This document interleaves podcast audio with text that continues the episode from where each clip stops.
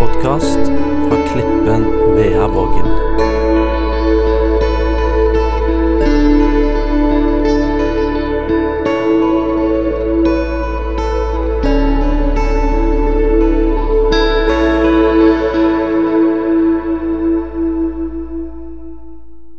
Det er jo andre påskedag, og da skal dere få litt fun facts om andre påskedag. Jeg liker jo å nerde litt om sånne ting, så da får dere litt om det før vi drar i gang. Og Det er en offentlig helligdag, andre påskedag. Det er det her, og det er det i mange andre land, men ikke i Portugal eller i Spania. Med mindre du bor i Catalonia. Da er det en offentlig helligdag. Eh, Det betyr ikke at de ikke feirer den, men det er ikke en offentlig helligdag. sånn som vi har det her. Men hvorfor er det da en offentlig helligdag i Norge? synes jeg var litt interessant. Det er ikke bare bibelske grunner til det. Det er òg noen praktiske årsaker. Vi er jo et vidstrakt land, og før i tida, når eh, presten skulle ha møte i kirka, så var det ikke alle som bodde rett ved siden av kirka, og ikke kunne de ta bil. Så da måtte de reise dit for å komme der til. Og det tok jo tid. Så av den enkle grunn at eh, det var litt spredt bebyggelse, så måtte de ha en dag til fri. Og da var det en god grunn til å ha det som en offentlig helligdag ikke bare den bibelske. Og faktisk Helt fram til 1771 så hadde vi tredje påskedag òg her i Norge. Eh, Det var jo fint. Eh, Men eh, da fant den daværende kongen over Danmark og Norge ut at nå har vi 21 helligdager. Jeg tar vekk 10, for det blir bare brukt til skal vi se, sitat, lediggang og laster. Han mente at like gjerne kunne bruke dem til arbeid og nyttegjerninger. Så da har vi bare andre påskedag igjen.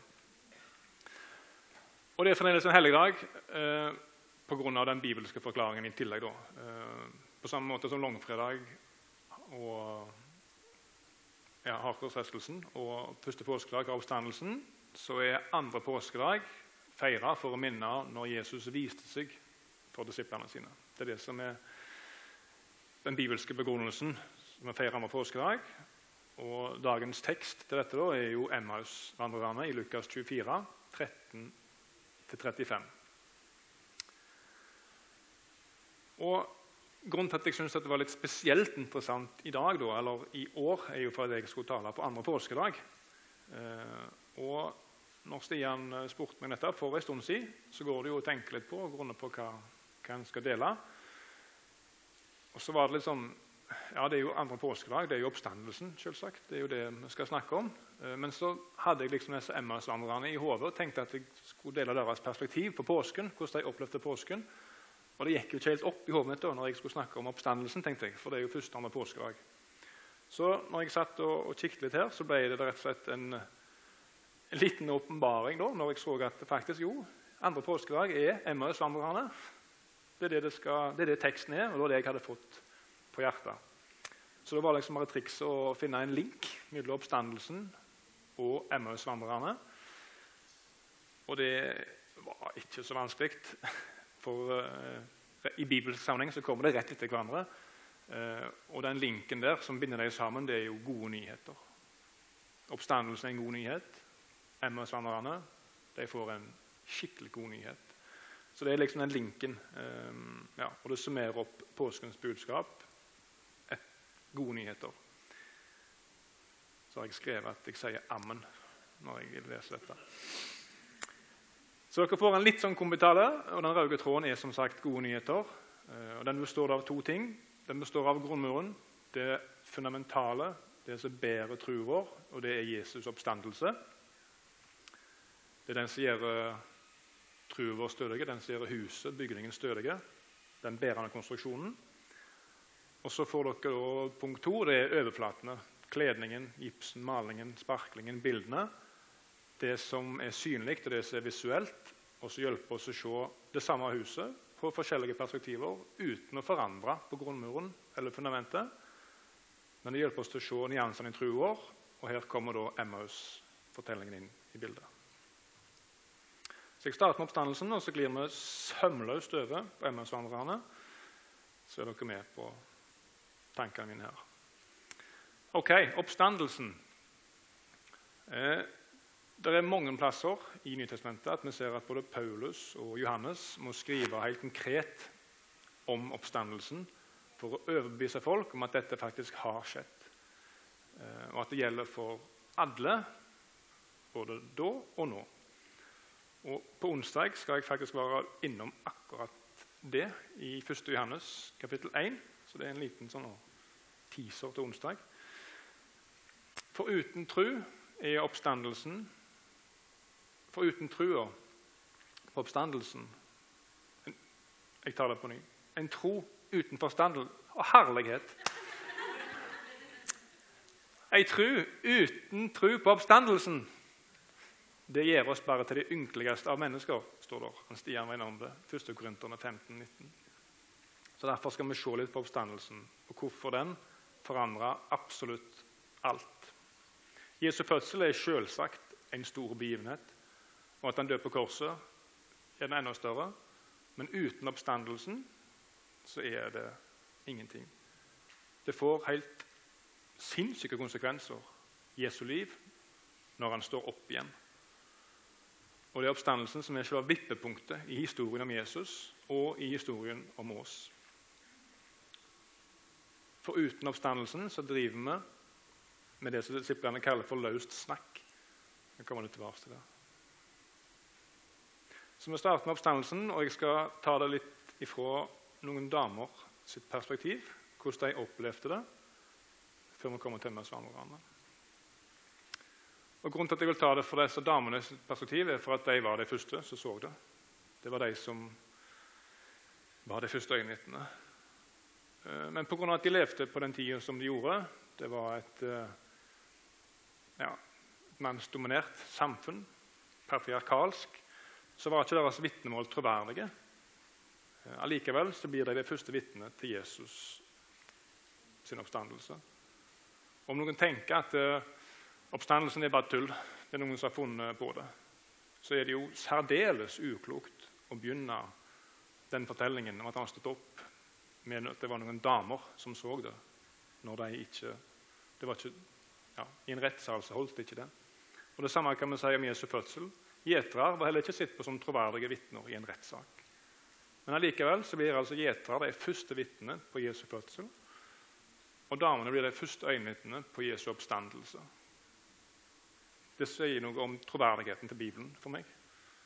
Det hadde ikke vært, ja, skulle de funnet på det, så hadde de ikke brukt de eksemplene. Så det, det, er, ufor, det er så usannsynlig at det kan ikke være oppdikta. Alle de fire evangelistene de gjør et poeng ut av at uh, når de skriver dette kapitlet om oppstandelse, så går det ifra mørket til lyset. Når damene er på vei til grave, så er det tidlig om morgenen, og det er fra mørket og det er til lyset. Turi var innom dette her på, på, fredag, at lyset er sterkere enn mørket. Og Når vi leser da, her, så står det i Matteus der skriver han at det hadde begynt å lysne.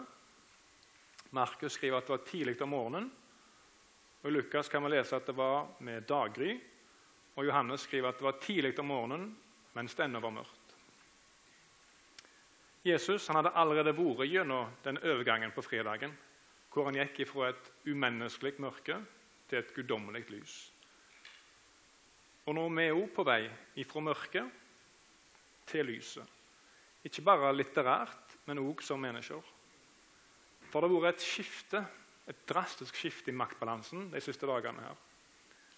Fra å være underlagt døden og dens herredømme, så er det nå livet som har overtaket. Og vi kan med visshet få vandre fra mørket til lyset. Ikke bare i dag som truende, men òg i evigheten, ved livets slutt. For døden var ikke sterk nok til å holde ham fast. Det er derfor du plasserer kirker, iallfall før og i denne år, så plasserer de kirkene øst-vest. Til og med kirka på Vea står i den retningen. Der inngangen er i vest, og alteret og tavla er i øst. Og Det er for å symbolisere at vi kommer inn fra mørket og går mot lyset i øst, mot soloppgangen. Og Det er i denne lysningen at det er noen damer som er på vei til grava denne morgenen. Og Det var deres første gjøremål. Det var ikke husarbeid. levere ungene i barnehagen eller sjekke telefon for siste nytt. De hadde Jesus som nummer én. Og vi tenker at klokka er en plass mellom fire og seks på morgenen når de er på vei. Og Det var Maria, Jesu mor, Maria Magdalena og iallfall Salome, mor til Sebedeus' sønner, som var på vei. Kanskje noen flere ord. Men hvorfor er de på vei nå? To dager etter at Jesus ble gravlagt. Hvorfor gikk de ikke til grava i år, dagen etter han var gravlagt? Var det for Jesus trengte en dag til i paradis? Han liker jo å slappe av. Han trakk seg ofte tilbake for å være i lag med Gud. står det.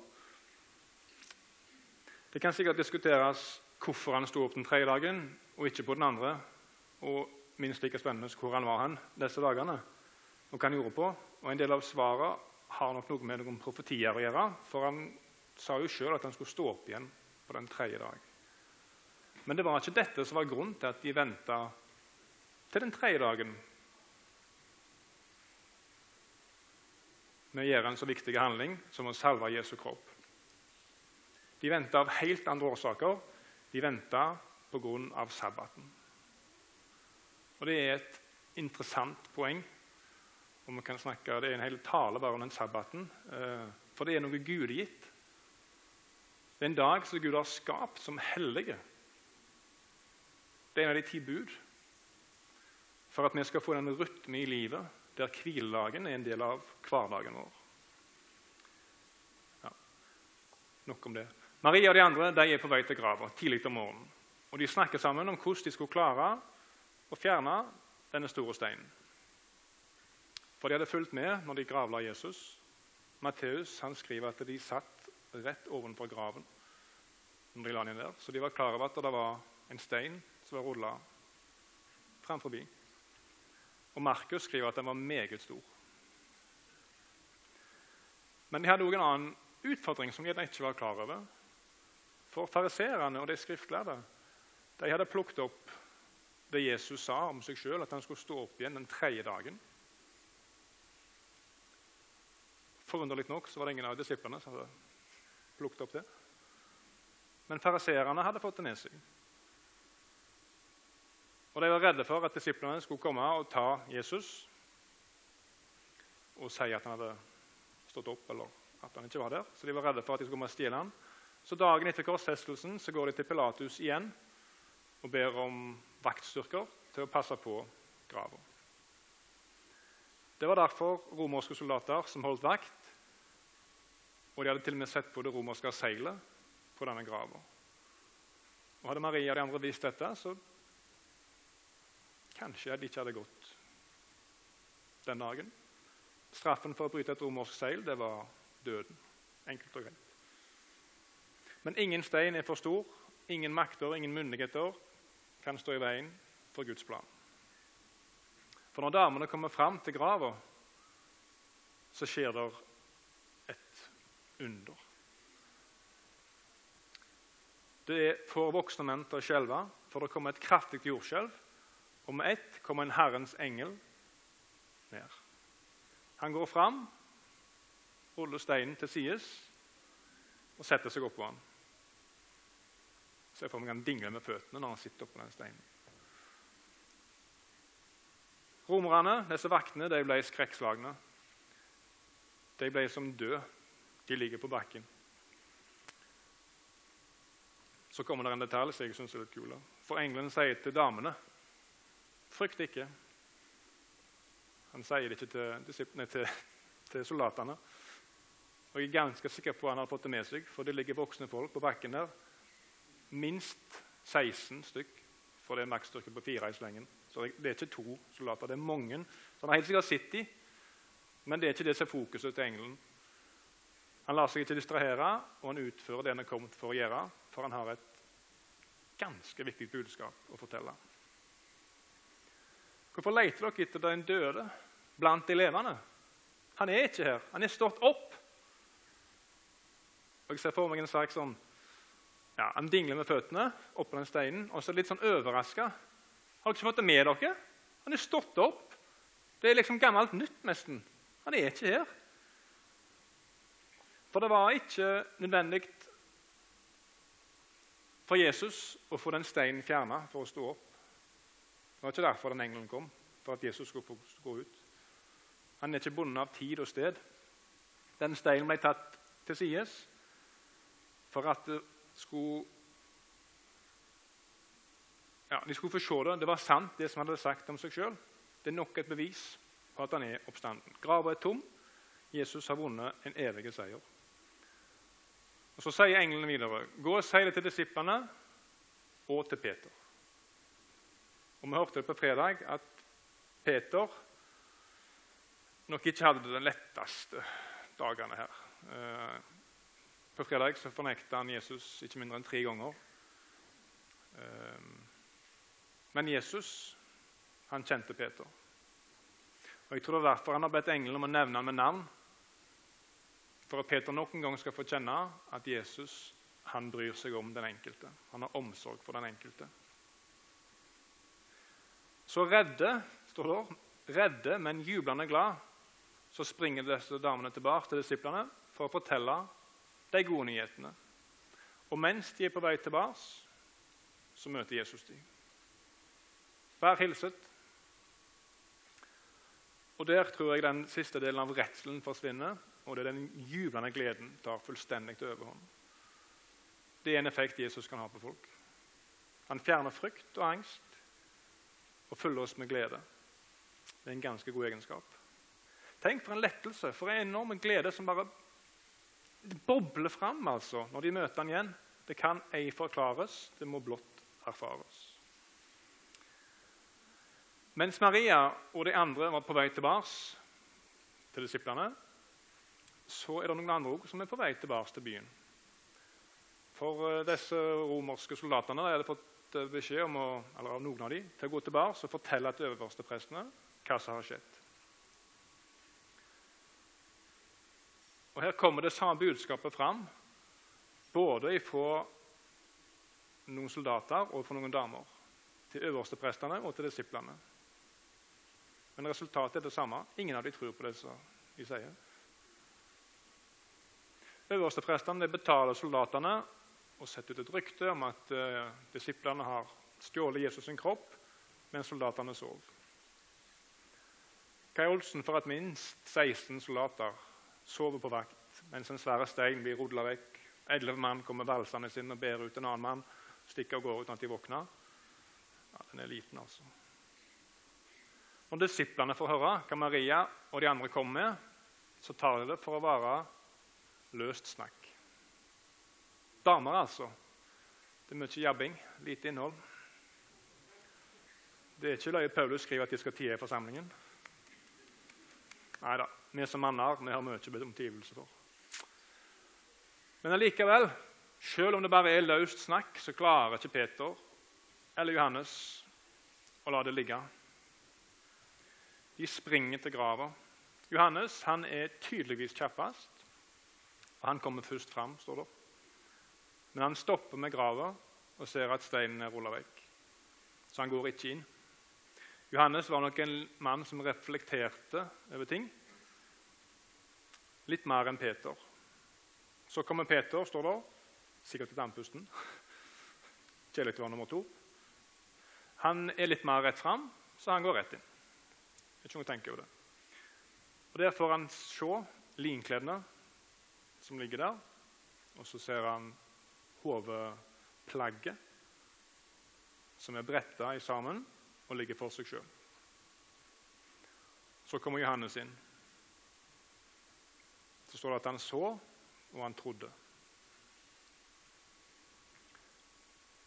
Videre kan vi lese at Jesus viser seg for to disipler på vei til Emmaus.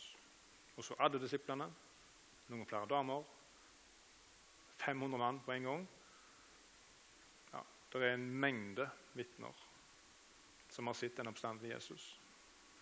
Men jeg vil stoppe litt med disse to Emmaus-vandrerne.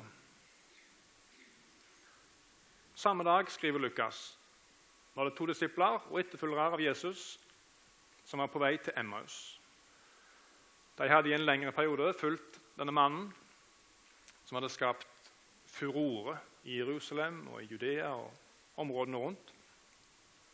Han hadde helbreda syke, gjort godt, til og med utfordra makteliten med å si at det var et nytt rike på vei. Men nå er det over.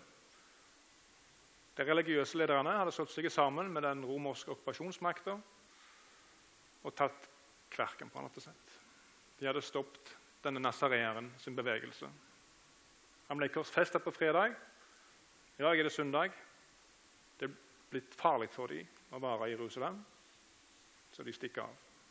De rømmer byen. Vi får vite at de er på vei til en by som heter Emmaus. Den ligger 60 stadier fra Jerusalem. Det tilsvarer ca. 10-12 km, så de har to-tre gode timer på seg til å snakke om dette ufattelige som har skjedd den siste helga i byen de nå legger bak seg. Lukas han skriver at de skal til Emmaus. Men de var nok mer opptatt av å komme vekk fra Jerusalem. For Emmaus det er ikke en plass du reiste til i påsken. Det var det ikke da, og det er det ikke nå. Opp gjennom tidene så har både teologer og bibelforskere prøvd å finne ut hvor Emmaus er hen, men de finner det ikke. Emmaus er en plass ingen vet hvor er, men som allikevel alle har vært. Vi kan ikke peke på det på et kart, men vi har vært der mange ganger. Det er der vi går når alt rakner, når uh, ting ser håpløst ut. Det er her vi skylles i land når livet har gått på grunn. En plass som fører oss vekk, en plass som fører oss hjem. Det er skummelt å gå fra fellesskapet når du er skuffa og deppa eller såra. Emmaus er plassen for skuffelse og sjølmedlidenhet. En plass uten ansvar og forpliktelser. Uansett hvorfor vi er der, så har det lite å by på, annet enn at det er langt nok vekke fra skuffelser og nederlag. Og Nå er disse to disiplene på vei der, men de får følge av en fremmed. Han lener seg inntil og lurer på hva de snakker om. Kom dere på han kjekke trønderen som var her for mange uker siden? Han snakket om Philip, og når han holdt seg tett inntil den eh, eh, etiopiske hoffmannen for at han skulle forstå hva han leste. Vi kan, hvis vi vil, være interesserte og litt framoverlente. Når Jesus her spør hva disse to snakker så ivrig om, så tror jeg han hadde det samme tonefallet som engelen på steinen når han dingler med føttene og sier til Maria og de andre at han er ikke her, han er stått opp. Hva går dere og snakker så ivrig om? Det er nesten så han ikke klarer å holde igjen den entusiasmen han har. Det bare bryter ut av ham. Det er meg! Det er meg! Jeg har vunnet. Kampen er over. Men han klarer å holde seg litt til før han avslører resultatet. Men hva tenker disse her to da, når det kommer en fremmede og han spør hva dere snakker så ivrig om. De tenker iallfall at han ikke er norsk, for han snakker med noen fremmede. Og I tillegg så virker det som de har en fortrolig samtale. Han kan jo ikke ha sosiale antenner i det hele tatt. Og så vet han heller ikke hva som har skjedd de siste dagene. Hvis han har antenner, så er de knekt av helt med rota. Det virker som han har kommet inn fra påskeferie uten Internett uten fjernsyn. Han har ikke peiling. Lukas 24, 17-21. Har du ikke hørt det? Du må være den eneste tilreisende i Jerusalem som ikke har hørt hva som har skjedd her de siste dagene. Hva da? spør han. Det med Jesus fra Nasaret, svarer de. Han var en profet, mektig i ord og gjerninger for Gud og hele folket. Men våre overprester og rådsherrer utleverte ham og fikk han dømt til døden og korsfestet ham. Og vi som hadde håpet at det var han som skulle befri Israel. I starten på samtalen er det frustrasjon å spore, men i slutten her er det bare smerte. Og vi som hadde håpet at det var han som skulle befri Israel. Disse ordene her, de rommer så enormt mye mer enn den ene linja de tar i Bibelen. Det oppsummerer flere hundre år med spørsmål og tvil og skuffelse. Det er som om Lukas koker ned generasjoner med fortvilelse ned i én setning. Det handler om mer enn bare to disiplers en skuffelse over at Jesus er død. Det er som en kollektiv sorg over et ufullendt løfte og et verkende sår i et helt folks identitet. Gud hadde jo lovt i landet. Han skulle sende en Messias og skulle frigjøre dem fra okkupanter. De har lest i Skriftene, men nå virker det som virkeligheten er sterkere enn løftene. Det er ikke første gang det er krig og ødeleggelse for israelsfolket. Og, ja. og nå er det romerne som på en måte er der og nyter sin tid i sola. Men det var liksom så oppnåelig denne gangen med Jesus. I uke siden red han inn i byen. De hylla han som konge. Men så har det gått nedenom og hjem òg med ham. Det var som om neglene i kroppen hans var nok en spiker i kista for folks drøm om frihet. Og det bekrefter det de lenge hadde mistenkt. Det er det sterkeste som bestemmer. Og det virker ikke som om Israels gud var oppgaven verdig.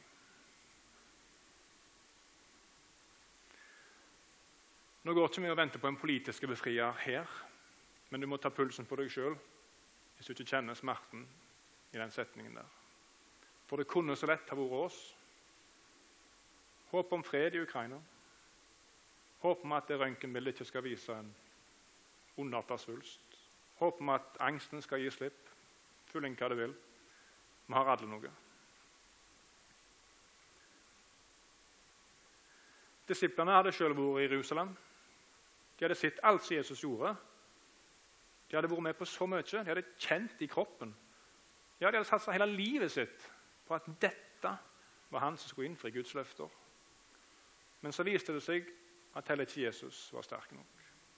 Det var bare ord. Så det er nok ikke så løye at de ikke kjente han igjen når han kom der. De hadde selv vært vitne til hva romerne hadde gjort med ham, hvordan livet hans ebba ut i takt med håpet deres om frihet.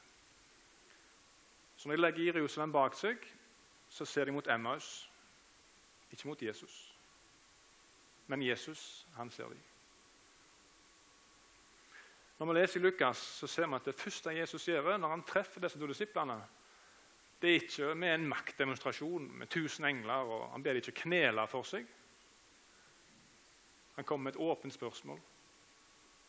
Hva er dere går og snakker så ivrig om? Det sier noe om at vi har en Gud som møter oss der vi er. Ikke der vi burde vært. De to som hadde fulgt Jesus, de to hadde fulgt Jesus. Nå er det Jesus som følger dem. Han interesserer seg for deres liv, han bryr seg om dem. Han lurer på hva som ligger på deres hjerter, spør om deres tanker og lytter til deres frustrasjon og smerte. Men så gjør han noe mer. Han viser dem hva Skriftene og profetene sier om Messias. Lukas 24, 25-27. Så uforstandige dere er, og så trege til å tro det profetene har sagt. Måtte ikke Messias lide dette, og så gå inn i sin herlighet? Så, begynte, så begynte, han å legge, utlegge for dem det som står om han i alle skriftene, helt fra Moses av og hos alle profetene. Jesus han møter sine etterfølgere der de er, men han etterlater de ikke der. Han viser dem at ting ikke er sånn som de så ut. At han er Israels befrier, om enn på en annen måte enn de hadde sett for seg.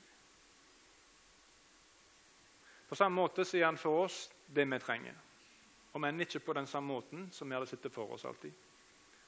Han viser, oss, han viser dem at døden var veien til livet, at korset ikke var slutten, men starten, at håpet ikke er ute, men at lyset er tent. Så går dagen mot kveld, og så later han som han skal gå videre. Han presser seg ikke på verken i deres liv eller i vårt liv. Men han stiller gladelig opp når vi inviterer han inn. Og ikke bare blir han med inn, han viser seg som den han er i vårt liv. Han holder måltid med oss og åpner øynene våre, som vi ser. Ser at håpet ikke er ute, men at lyset er tent, at han er stått opp igjen. For deg og for meg. Lukas 24, 30-31. Og mens han satt til bords med dem, tok han brødet, ba takkebønnen, brøt det og gav dem. Da ble øynene deres åpnet, så de kjente han igjen. Jeg tror de hadde sittet i hendene bryte brød før. Disse to disiplene, som for få timer siden var på vei vekk fra byen, trøtte, sure, redde, deprimerte, fortvila, har nå snudd helt om. De har satt kursen tilbake til Jerusalem, fulle av tru, håp og frimodighet. Veien tilbake er veien hjem. For de har sett den oppstandende, og de har gode nyheter å bringe. Et møte med Jesus det kan ha store konsekvenser for våre liv. For han har ikke bare evnen til å gjøre noe med våre behov, han har viljen til å gjøre noe med det òg. Kirkefader Augustin, en mann som levde på 300-tallet, han skrev Du har skapt oss til deg, Gud, og vårt hjerte er urolig inntil det finner hvile hos deg. Det er et sitat som blir bedre og bedre hver gang jeg leser det. Og det blir mer og mer sant. Du har skapt oss til deg, Gud, og vårt hjerte er urolig inntil det finner hvile hos deg. Hvis du sitter her og kjenner at dette traff ditt liv, enten den begeistringen du har for Jesus i oppstanden, eller at du er på tur til Emmaus, en plass langt vekke, for hva enn det måtte være som jager deg, så skal du vite at Jesus, den oppstandende, han lener seg inntil, lytter til deg og støtter deg. Han vet hvor det er på vei hen, men han vil si at eh, 'jeg er veien, sannheten og livet'. For Vi kan ikke finne roen for våre hjerter uten å søke det hos Gud.